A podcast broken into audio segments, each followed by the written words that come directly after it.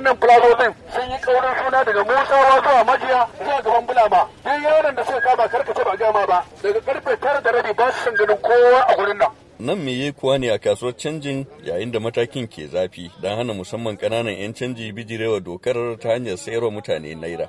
Yajin ya sanya masu son canja dala da suka hada da ma'aikatan kungiyoyi masu samun ɗauki daga ƙetare da 'yan diflomasiya da sauransu shiga halin damuwa. Shugaban ƙungiyar 'yan canjin alhaji abubakar abdullahi dauran ya ce yajin nasu ya cimma muradinsa don haka sun janye. Insha allahu za mu dawo kasuwa yau juma'an nan. Sako ya riga ya zo duk inda muke so ya zo kan wannan kasuwa tamu mai albarka. Kun samu cimma burin dalilin rufe kasuwar? A duk inda muke so shakon ya je ya je. Damun gwamnati muke so ta san da mu kuma ta san abin da muke ta sani mu babu mu a cikin wannan ta da dala. Gwamnati muna ganin za ta ɗauka inda ta bi wannan tsarin da muka bata wani ma ya ɓoye dala ko ga yami ko a ƙara farashin dala insha Allah zai tsaya. Wato dai da gaskiya Alhaji Abdullahi in an ga wasu ku da motoci masu tsada za ga wani mutum za a ce ya sha kwana da sauransu. Duk ba wai yana nuna kuɗin cewa kuke ta hanyar da bata dace ba. Ai ba haka ba ne kasuwa ce. Shi harkar canji zaka ga mutum da mota ta miliyan goma. Amma da zaka bi shi zaka gano kawai dai sutura ce.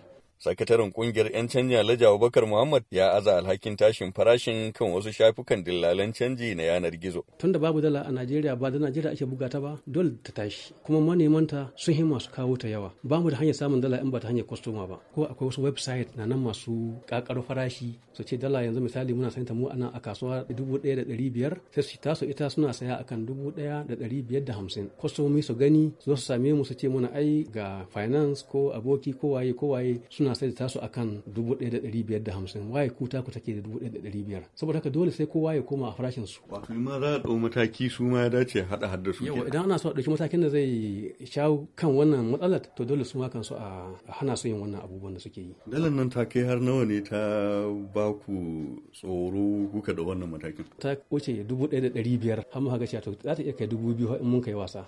Nan da can dai wasu matasa 'yan canjin na nuna ba za su bar canjin ba don samun na kalaci.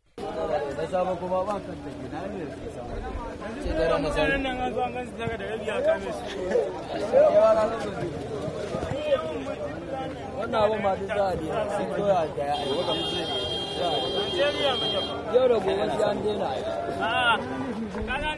Kasuwar da ke anguwar Zonfo a Abuja na da akalla mutum na kai tsaye da bayan fage da suka kai dubu ashirin da ke cin gajiyar hada-hadar ta kuɗin ƙetare.